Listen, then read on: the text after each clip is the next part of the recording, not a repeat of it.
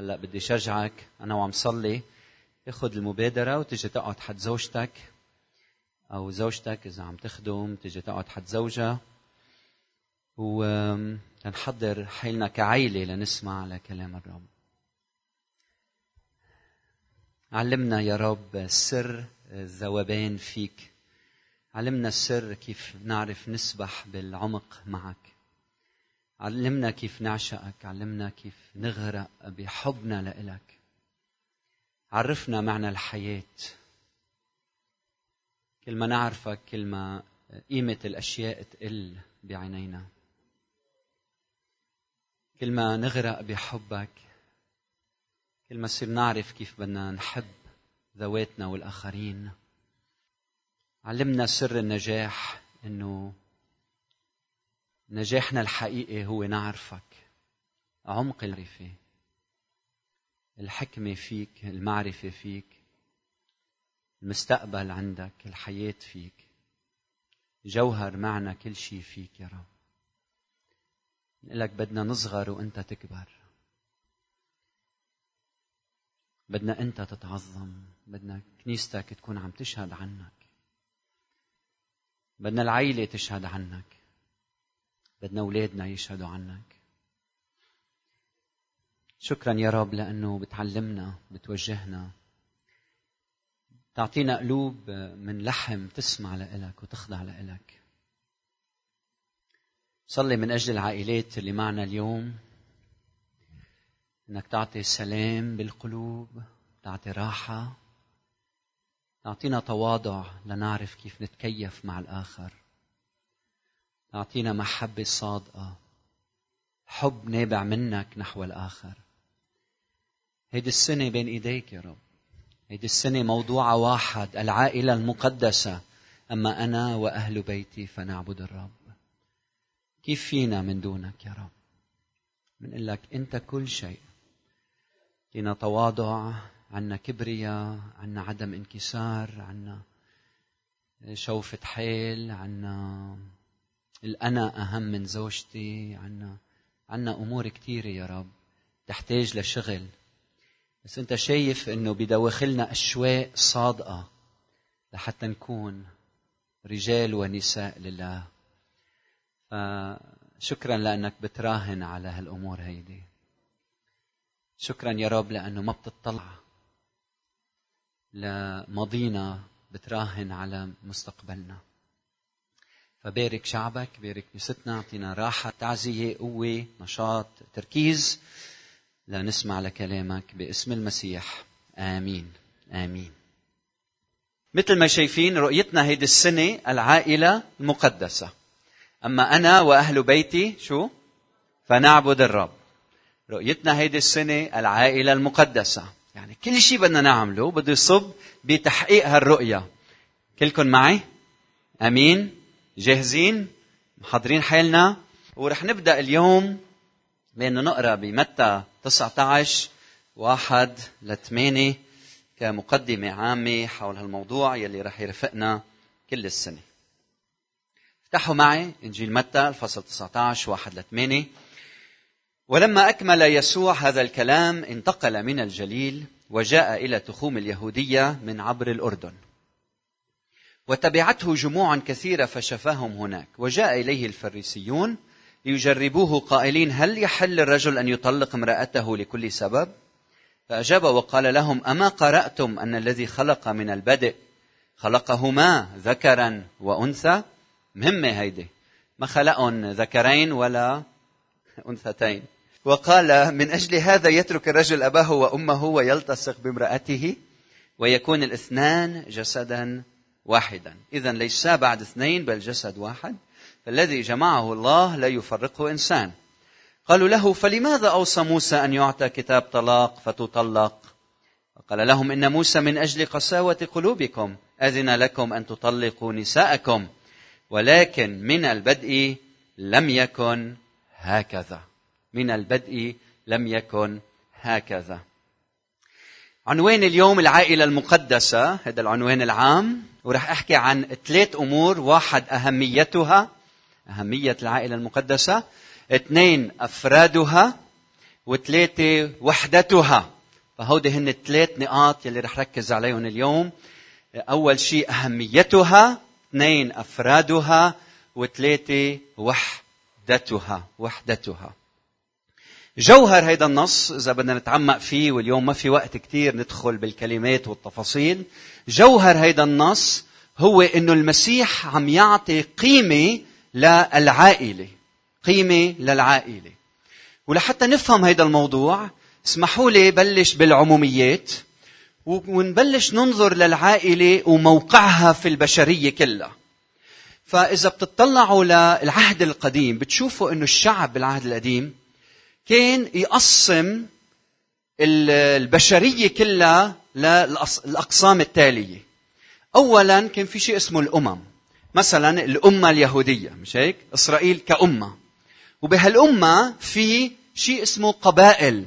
اسباط إسرائيل 12 وكلمة صبت تستخدم كصبت أو كقبيلة ترايب والكلمة بالعبري هي عصا صبت شبط عصا يعني يلي بيحملها القائد يلي بيمشي إلى الأمام وفي مجموعة من الناس خلف منه. ففي عنا أمة وتحت هالأمة في قبائل بإسرائيل في 12 قبيلة وضمن كل قبيلة في شيء اسمه عشائر. وضمن كل عشيرة في مجموعة من العائلات أو البيوت. فالنواة هو العيلة هي أصغر شيء ونكبر لنصير أمة. وإذا بتفتحوا معي سفر يشوع الفصل السابع أي 16 ل 18 بقول فبكر يشوع في الغد وقدم إسرائيل هيدي هي الأمة بأصباطه. أوكي؟ في أمة وفي أصباط. فأخذ سبط يهوذا. ثم قدم قبيلة يهوذا. شوفوا كيف عم يستخدم كلمة سبط وقبيلة لا يعني نفس الشيء. فأخذت عشيرة الزارحيين. ثم قدم عشيرة الزارحيين برجالهم. فأخذ زبدي يلي هو بيت زبدي. فقدم بيته برجاله فأخذ إلى آخره. فمنشوف أنه كان في عيلة بيت وفي عشيرة وفي قبيلة وفي أمة وفي البشرية كلها. فنحن تركيزنا هيدي السنة هو على البيت على البيت المقدس. بالنسبة لشعب الله في القديم مسألة العشائر مسألة كتير مهمة والقبائل. ففي كتير تركيز على إذا أنت من صبت لاوي ولا من صبت آخر بنيامين وكان في صراعات بنسميها صراع القبائل. وإذا بدكم نحط شوي الروحانيات على جنب إن السبب الأساسي يلي آه، سبب ل إذا بدكم الفصل الكبير يلي صار لشعب الله في القديم من بعد سليمان وكيف انقسمت المملكة السبب الرئيسي هو صراع القبائل. ومنشوف كيف بالمملكة الجنوبية يلي صارت فيما بعد المملكة الجنوبية كان في سبطين سبط يهوذا وسبط بنيامين يلي كانوا هن متحكمين بالمملكة الجنوبية وعشر أسباط مسؤولين على المملكة الشمالية فصراع القبائل صراع مهم وعبر التاريخ موجود إلى أيامنا اليوم بنشوف كيف بشعوبنا في عطول صراع القبائل والعشائر وإلى ما هنالك. هلا لما اجى يسوع المسيح هيدي نقطة كثير مهمة أبطل كل مفهوم مفهوم عرقي أو قبائلي أو عشائري. وإجا قال إنه ما في فرق ما بين العرق الأبيض والعرق الأسود. إجا يأكد إجا وأبطل إجا وسحق كل مفهوم بيركز إنه في أمة أو في قبيلة أو في عشيرة أهم من عشيره ثانية وجا قال إنه كل البشرية شو؟ متساويين قدام قدام الله. وهيدي نقطة مهمة. ومن بعد ما أطاح بمفهوم العشائر والقبائل كلها حافظ على مؤسستين. المؤسسة الأولى هي ملكوت الله. وقال إنه ملكوت الله في ملك واحد هو يسوع المسيح. في شعب واحد من كل قبيلة وأمة ولسان صح؟ شعب واحد يلي هو الكنيسة أبناء الملكوت. وفي قيم مشتركة هي قيم الملكوت المعلن عنها بوعظة الجبل وبتعليم يسوع المسيح. والدخول إلى هالملكوت هو مش من أي قبيلة أنت ومن أي عشيرة أنت هي بالإيمان بيسوع المسيح. هو قرار شخصي عائلي إنه أنا بدي أتبع يسوع المسيح أنا بدخل بهالملكوت. المؤسسة الثانية يلي رسخ مفهومها بعالمنا هي العائلة المقدسة. هي العائلة. ومنشوف بهذا النص في تركيز على أهمية العائلة. هلأ البشرية الساقطة بطبيعتها بتحب إنه تتحزب صح؟ نحن عايشين بقعر التحزبات بشرقنا وببلادنا. عطول لما نحكي مع شخص أو حدا يحكي معنا بحب يعرف أنت لأي حزب منتمي صح؟ لأي عشيرة لأي قبيلة بترجع. فعنا عطول هال default setting إنه بنرجع للتحزب أنا من عيلة الشوع من العشيرة عشيرة كنيسة القيامة من قبيلة المعمدانيين من الأمة الإنجيلية. ومنصنف بعضنا بهالطريقة. بحب أقول أنه حلو واحد يكون عنده ميول معينة حلو واحد يكون عنده التزام معين هذا شيء ضرورة لأنه بطبيعتنا بنحب الانتماء لشيء معين ولكن مش على حساب الأمور الثانية. أولا أنا هويتي أنني شو؟ إنجيلي؟ أنا ابن لله أنا ابن ليسوع المسيح. والأمور الثانية آه، بتصير أقل أقل أهمية. بحب أنه نطلع لهالتشعبات والقبائل والعشائر مثل ما إلهنا بيطلع عليها. مش ككل واحد قاعد على متراسه عم بيراشق غيره بالأحجار بل آه، حقل مليان بورود متنوعة الألوان. أو مثل عصافير آه، عم بتزقزق عم بتغرد بأغاني أو نغمات متعددة. فلما تشوف الآخر عم يغنيك بتصير تحب ما يميز الآخر مش بصير أنا قبيلة ضد هالقبيلة وهالحزب ضد هالحزب المسيح اجى أبطل هذا المفهوم حتى إذا بتقروا بتعاليمه علما إنه لما بعت التلاميذ والروح القدس حل عليهم وقال لهم بتكونوا شهود لي في أورشليم واليهودية والسامرة ولأقصى الأرض كان هدفه أقصى الأرض صح؟ كان هدفه أقصى الأرض إنه ما بقى نخلص من قصة القبائل والعشائر وإلى آخره. البشرية الساقطة كمان بطبيعتها بتزدري بقيمة العائلة. تزدري بقيمة العائلة منشوف تفكك عائلي واضح منشوف التشديد على المساكنة منشوف التشديد على مقايدة الأزواج اليوم شائع الأفلام الإباحية تشريع الزنا كلها أداة بيستعملها الشيطان لحتى يحارب العائلة ودور الكنيسة إنه شو تعمل؟ تدافع وتحامي وتوقف بجانب العائلة، لماذا؟ وهذا هو الدرس لأنه العائلة مؤسسة إلهية. لأنه هيدا النص بيكشف لنا أنه العائلة منذ البدء هي مؤسسة إلهية. بدي أسألكم شو أول محنة مرق فيها الإنسان؟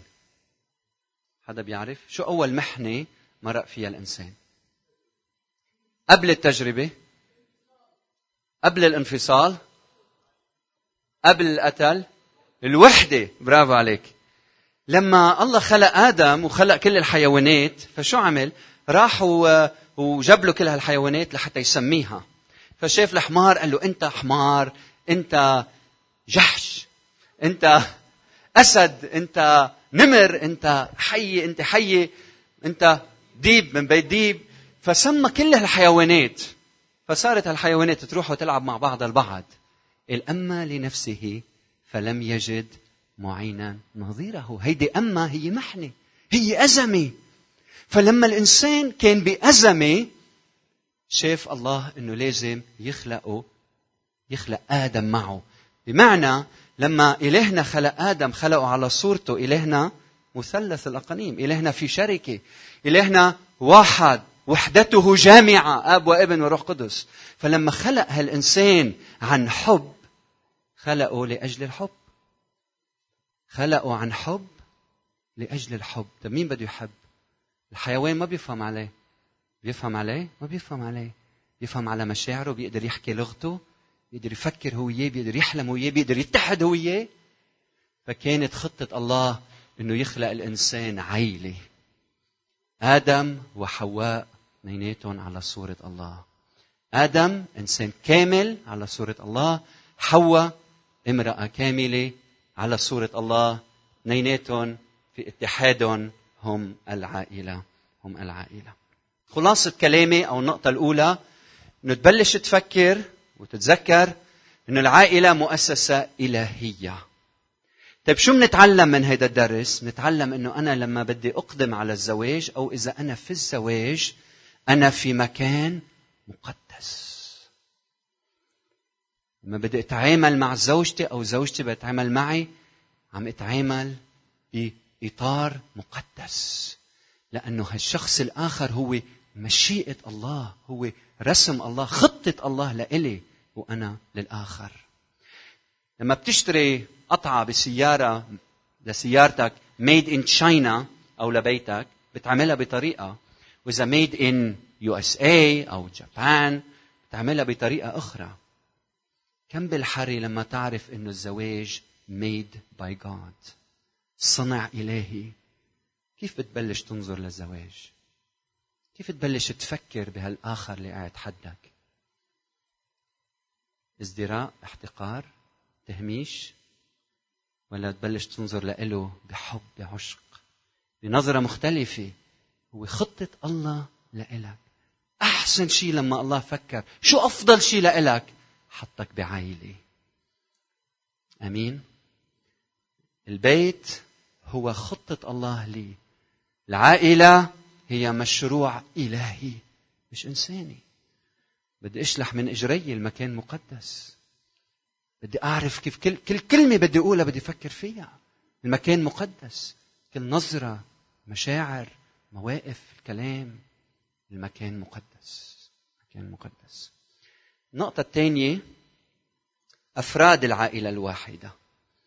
بالعهد القديم أفراد العائلة هم واحد الأب اثنين أمهات أم أو أمهات أكثر من امرأة ثلاثة الأولاد أبناء بنات إخوة أخوات.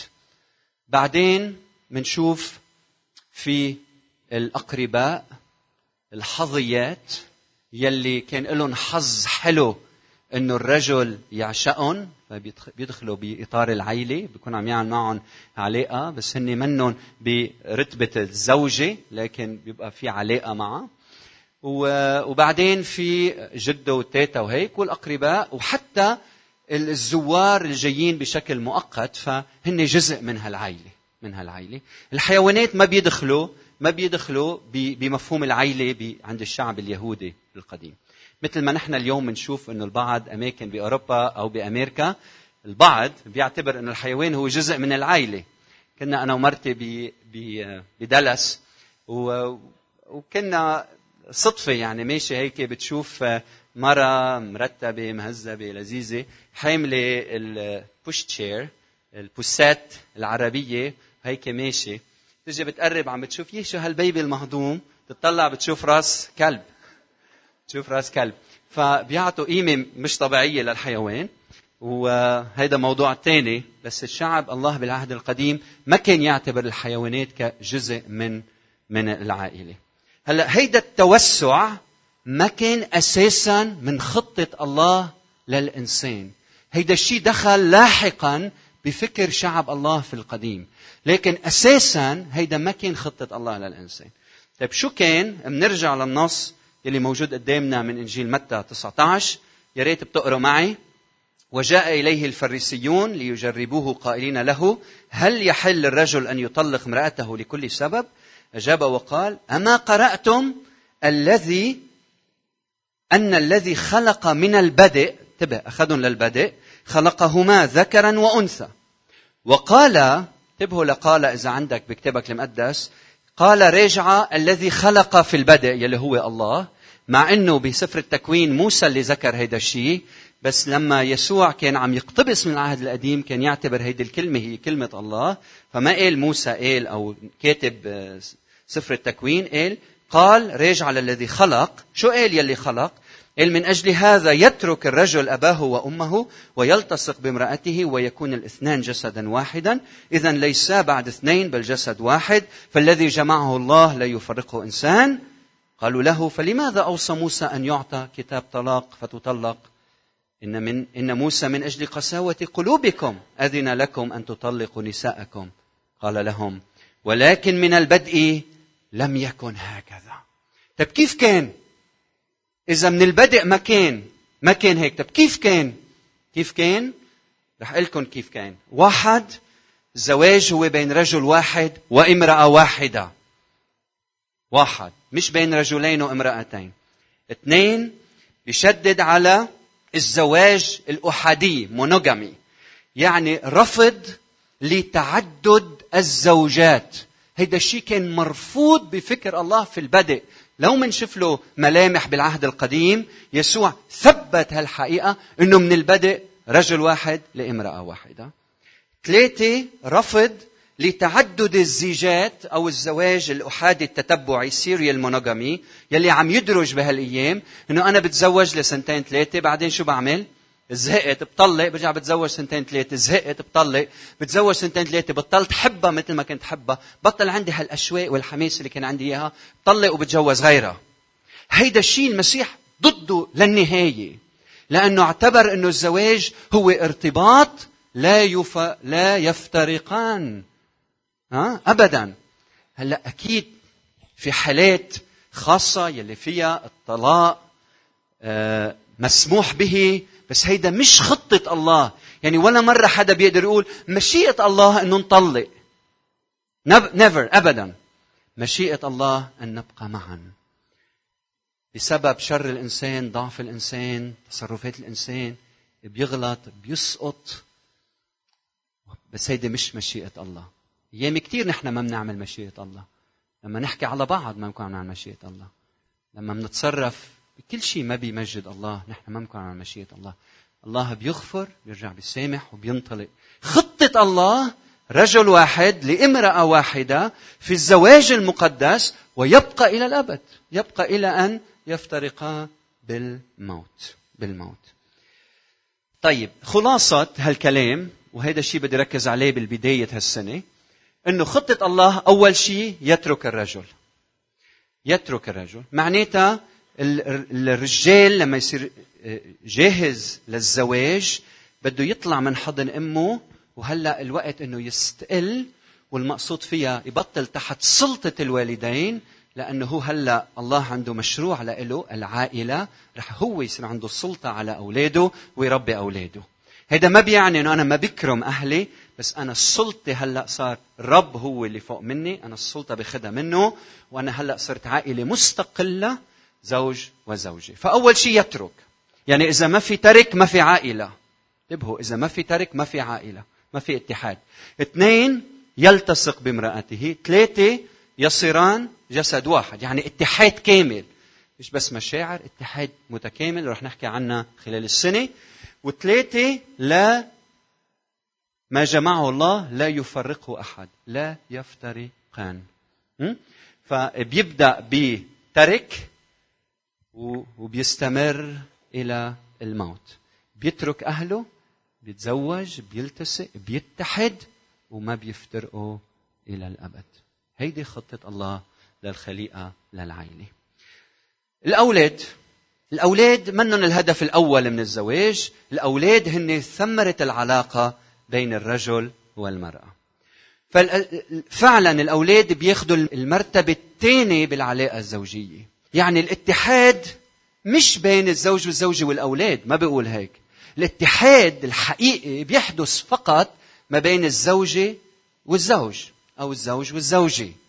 فهن بياخذوا المرتبة الأولى ومن بعدهم ثمرة الحب هن الأولاد. يعني ولا مرة أولادي بياخذوا مكان زوجتي. ولا مرة بنتي بتاخد مركز أعلى من زوجتي. ما حدا ما حدا بياخد المركز يلي بتاخده زوجتي بالدنيا كلها حتى الأولاد ما بياخدوا هذا المركز.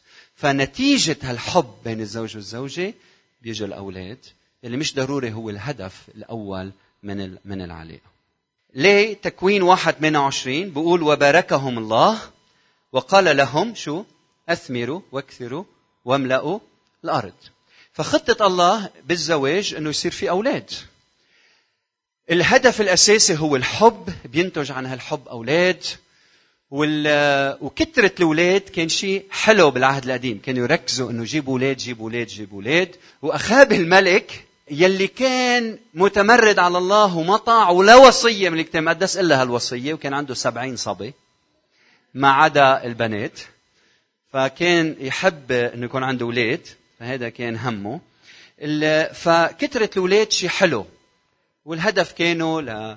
لأمور اقتصادية وهيك. فأنا بشجعك إذا عندك ولد يصيروا اثنين وإذا مش عم تسمع صوت الرب يصيروا ثلاثة. آه، أنا عندي ثلاثة بوقف هون ما فيني أعلمك شيء مش عم جرب طبقه. كنا ب طلع بزوجتي كنا ب ب بدلس. تعرفنا على القائد خدمة الأولاد. آه، قلت له شو عندك أولاد؟ قال لي آه، هيك صلينا إنه يجينا ولدين الرب أعطانا ولد بنت بعدين رجع أعطانا بنت. بعدين قلت لها زوجتي هات لنجيب لنا شي ولد بعد. قال أوكي.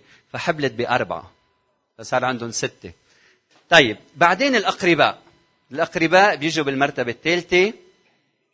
بدي أذكركم إنه الزواج بالكتاب المقدس هو عهد ما بين عائلتين.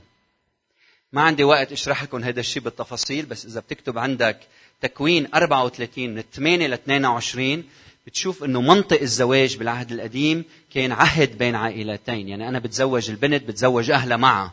فالأجانب اللي معنا عرفوا هذا الشيء. إذا بدكم تاخذوا بنتنا بدكم تاخذوا كل الأهل معها. من هيك ضرورة ضرورة إنه نكرم. يكون عندنا إكرام لأهل مرتي آه، لعمي ومرت عمي. هيدا الإكرام ضروري. نحترم. لكن مش على حساب العلاقة الزوجية. يعني باليهودية كانوا الكل يجوا يقعدوا ببيت واحد وتضيع الطاسة. وهيدا الشيء عم بيصير ببلادنا. اليوم في عنا آه، سوريين بسبب ظروفهم الصعبة وعراقيين ويمكن غيرنا يلي بسبب الوضع بيجوا 20 عائلة 20 شخص بيقعدوا ببيت واحد. 15 بيعيشوا ببيت واحد. بدي أذكركم إنه ولا مرة حدا من الأقارب بياخذ محل الزوجة أو الأولاد. بدي أذكرك إذا عم تتزوج بنت ما عم تتزوج هي وأختها. أو إذا عم تتزوجي رجل ما عم تتزوجي خيه كمان. هيدي الأمور مقدسة في الزواج بين رجل واحد وامرأة واحدة. ولا مرة الأقارب بياخدوا مكان الزوجة. بالكلام بالعلاقة بالتصرف. مش أنا بدي دوس على كرامة زوجتي كرمال أرضي الأقارب. أبدا. أنا لازم أكرمهم وأحترمهم وأحبهم بس ولا مرة بياخدوا المركز الأول. أمين؟ آمين. بدنا ننتبه لهالنقطة المهمة اللي ممكن تسبب لخراب بيوت. توازن كثير مهم. توازن كثير مهم. شو بنتعلم؟ نتعلم إنه أفراد العائلة ذكركم رجل واحد امرأة واحدة في الزواج المقدس هيدي عائلة. آه، علاقة الحب بينتج عنا أولاد بركة. الأقارب بنكرمهم وبنحترمهم. لكن يلي بدنا نتذكره اليوم إنه المقام الأول هو للزوج أو الزوجة. أمين؟ المقام الأول. المقام الأول. المقام الأول. المقام الأول. ما تخلي الشيطان يدخل من خلال أقاربك ليخرب بيتك. ما تخلي الشيطان يدخل من من خلال المقربين جدا لك ليخرب عائلتك ولا مرة أولادك بياخدوا مكان زوجتك. ولا مرة أولادك بياخدوا مكان زوجك. النقطة الثالثة هي وحدة العائلة وكرامتها. يلي بيحافظ على وحدة العيلة خاصة هلأ عم ركز على النصوص الكتابية أو العهد القديم بشكل عام وشوي شوي بنبلش نفوت بأشياء عملية يلي بيحافظ على وحدة العيلة وكرامة العيلة. أولا دور الأب. الأسبوع الجاي رح أحكي عن دور كل من الأب والأم والأولاد.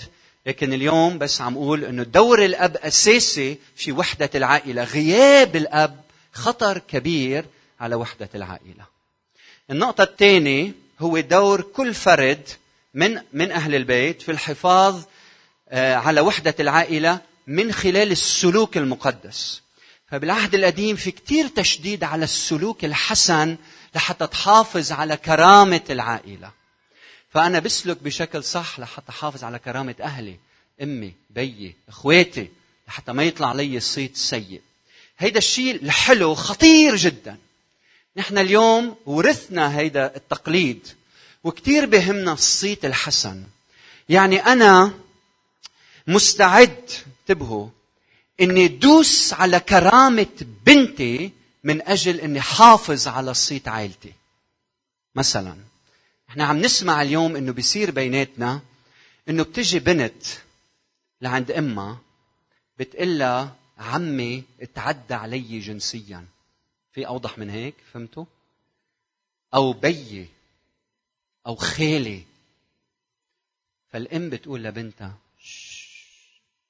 ما بدنا جرصة ما بدنا جرصة هيدا ضد مشيئة الله إنك أنت تسكت على الخطأ.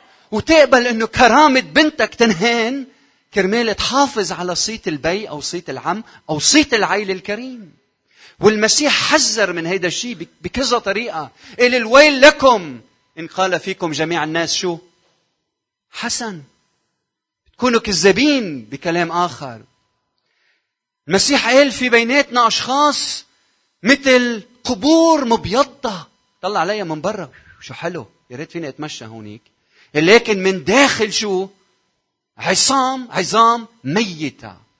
الكؤوس من الخارج شكلها جميل ونظيف ولكن مملوءة اختطاف ومي بيعرف شو الكلمة من بعدها. ودعارة ودعارة. فإياك من أجل أنك تحافظ على كرامة العيلة أنك تسمح أنك تسكت عن الغلط وتقول معلش بينداس على كرامتي عشرين سنة بس ما حدا يقول شي كلمة عاطلة عن عائلتي هيدي مش مشيئة الله. مشيئة الله الصراحة الصدق. مشيئة الله مش تروح وتحكي على زوجتك بين الناس. لا مش هيك عم قول.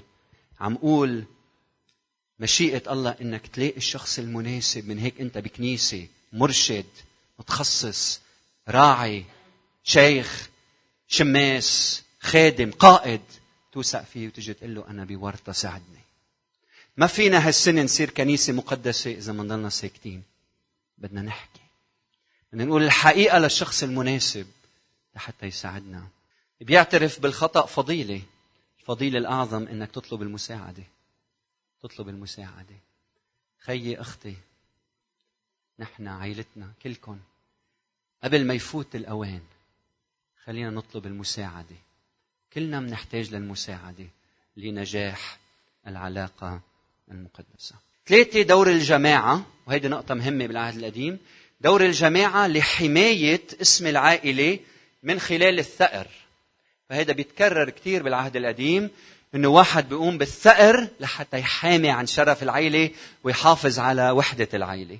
نشوف هذا الشيء مثلا ب 2 صموئيل 3 27 ولما رجع أبنير إلى حبرون مال به يؤاب إلى وسط الباب ليكلمه سرا وضربه هناك في بطنه فمات بدم عسائيل أخيه فانتقم عن خيه عسائيل. بعدين بنحمية أربعة أربعة عشر ونظرت وقمت وقلت للعظماء والولاة ولبقية الشعب لا تخافوهم بل اذكر السيد العظيم وحاربوا من أجل إخوتكم وبنيكم وبناتكم ونسائكم وبيوتكم. فكان الحفاظ على وحدة العيلة وكرامة العيلة من خلال الثأر إلى أن أتى يسوع المسيح. لما إجا يسوع المسيح وعلم عظة الجبل كان بفكره الثأر لما قال من ضربك على خدك الأيمن حول له الآخر. أيضا. من سخرك ميلا مشي معه ميلين. يلي طلب رداءك أعطيه ثوبه. أيضا. فإجا يسوع يقلنا أنه إذا بتعامل الشر بالشر بيستمر الشر. لكن في حل الشر هو فعل الخير. والنور لما بيواجه الظلمة ينتصر ينتصر عليه. شو بدي أعمل؟ بقلنا الرسول بولس لا يغلبنك الشر. بل اغلبن الشر بالخير. شو رأيك لما حدا يعديك من أهل البيت؟ أو من العشيرة الأخرى أو من جارك تقوم بمبادرة خير. شو صعبة. مين عملها شي مرة؟ تعرفوا صعوبتها ها؟ صعبة بدها هيك تواضع انكسار بدك مبادرة. وبتعرفوا نتائجها قد قوية؟ ليش نتائجها قوية؟ حتى لو دغري أيام واحد أها هيدا من ضعف جاي لعندي. بس بتبقى بقلبه بتبقى بقلبه وبتعمل ثمر بمجد الله. لكن الثأر الموجود بالعهد القديم خلصنا منه. نحن بشرق في كتير ثأر عشائر في قبائل.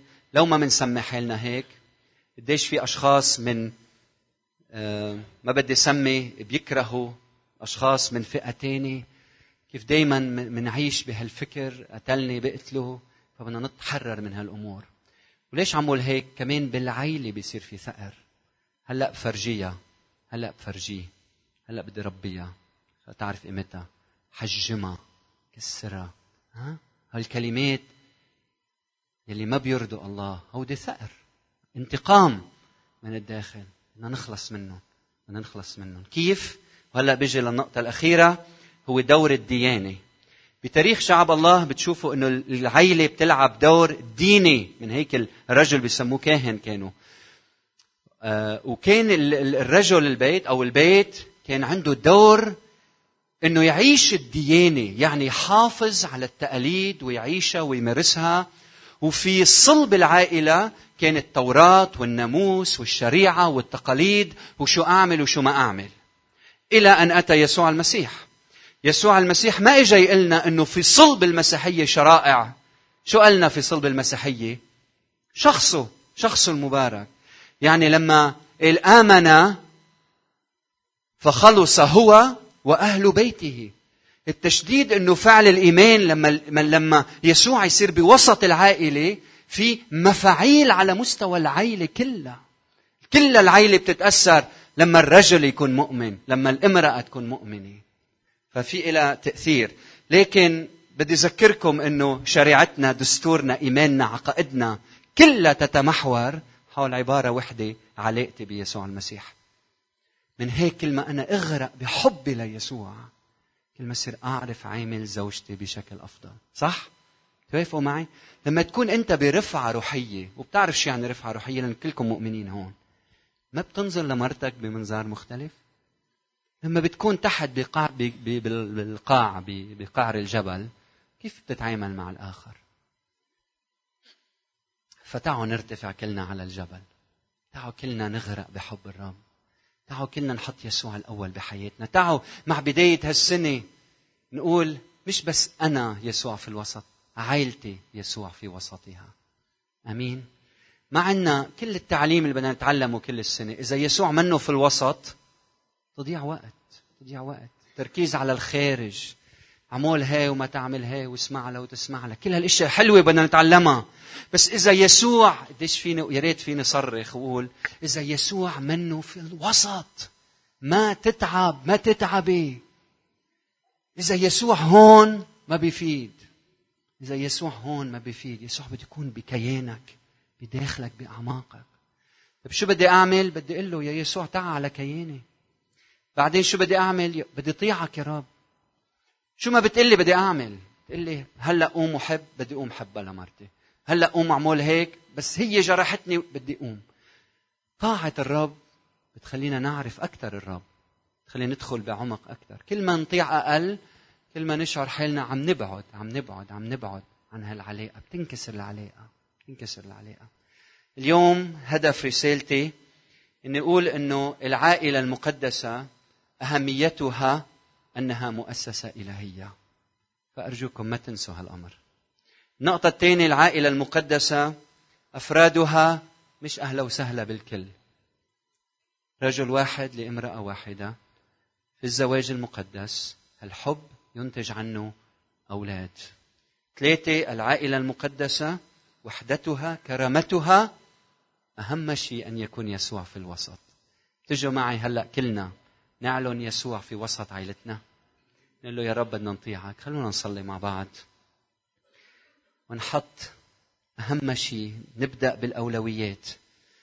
يا رب هيدي السنة يلي فيها رح تشجعنا كيف نحب ونعيش السماء على الأرض من خلال العيلة.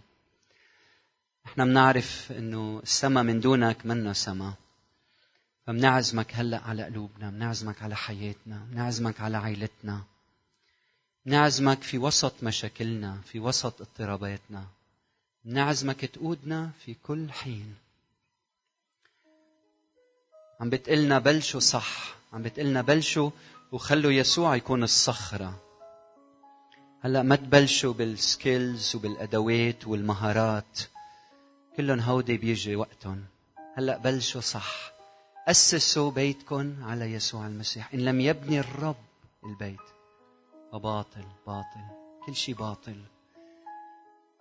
كل أعمالنا باطلة من دونك. بدنا هيدا الاتصال الروحي فيك نغذيك اليوم. بدنا أنت تاخد قلبنا وتجي أنت محله. تصير قلوبنا أنت يا رب تصير مشاعرنا أنت دوافعنا أنت. كل شيء يصدر منك كلامنا يصدر منك آرائنا تصدر منك عواطفنا تصدر منك. تكون أنت القلب يلي عم ينبض بالحياة فينا. هذا الشيء ما بيصير إلا إذا نحن استسلمنا لإلك. هلا يا رب بدنا نستسلم لإلك. بدنا نستسلم لإلك. تعرف طريقتنا تعرف حياتنا. هلأ جاي لتشجعنا. تيجي تقلنا سلم المفتاح لإلي. شو رأيك هلأ هيك؟ تشيل مفتاح قلبك تقول له يا رب يلا خده خده. بدي أخلع الباب وتصير أنت باب قلبي. بدي يصير انت باب باب الخراف باب الحظيرة. أنا هو الباب. اللي كل شيء منك بيخرج من خلالك بيدخل. انت يلي فلتر حياتنا. اللي لما دوافعنا بدها تخرج بتخرج من هالباب يلي هو يسوع المسيح. وكل شيء انت راضي عليه انت بتفتح الباب ليدخل على قلوبنا. ما بدنا يكون عندنا سلطان على حياتنا فيما بعد يا رب. بدنا نقول لك أنت إلك السلطان على حياتنا. بدنا نعيش باستسلام لإلك. اتعبنا اتكال على ذواتنا. بدي صلي للي خسروا أحباء لإلهم. يمكن أرامل بيناتنا إذا في عنا أشخاص منهم مزوجين قل لهم إنه عندهم دور كبير إنه يلعبوه. كأرامل وخبرتهم وحياتهم كأشخاص بعد ما تزوجوا ودعيهم للزواج إنه يتحضروا من الآن. الأشخاص يلي دعيهم إنه يبقوا لأهداف معينة لخدمة معينة. كمان يا رب خلي يكون عندهم دور فعال. إحنا بنعرف قيمة الحياة مش بالزواج قيمة الحياة فيك. أنا إنسان كامل لأني مخلوق على صورتك مش بالزواج بصير كامل. أنا فيك كامل. أنا قيمتي فيك. أنا غني فيك. بصلي يا رب إنك توجهنا تعلمني تعلمنا. تقود تعليمنا هالسنة. احكي من خلال منبرك يا رب. صيبنا وجهنا. واعطينا قلوب تطيعك وقلوب لينة. كلامك قلنا يا رب. خلي روحك هلا يعمل في القلوب. وانت وعم بتصلي اسأل قل له يا روح الرب شو بدك مني اليوم؟ شو بدك تعلمني؟ شو هي الرسالة الخاصة لإلي؟ اللي لازم اسمعها. أعطيني اسمعها وطيعها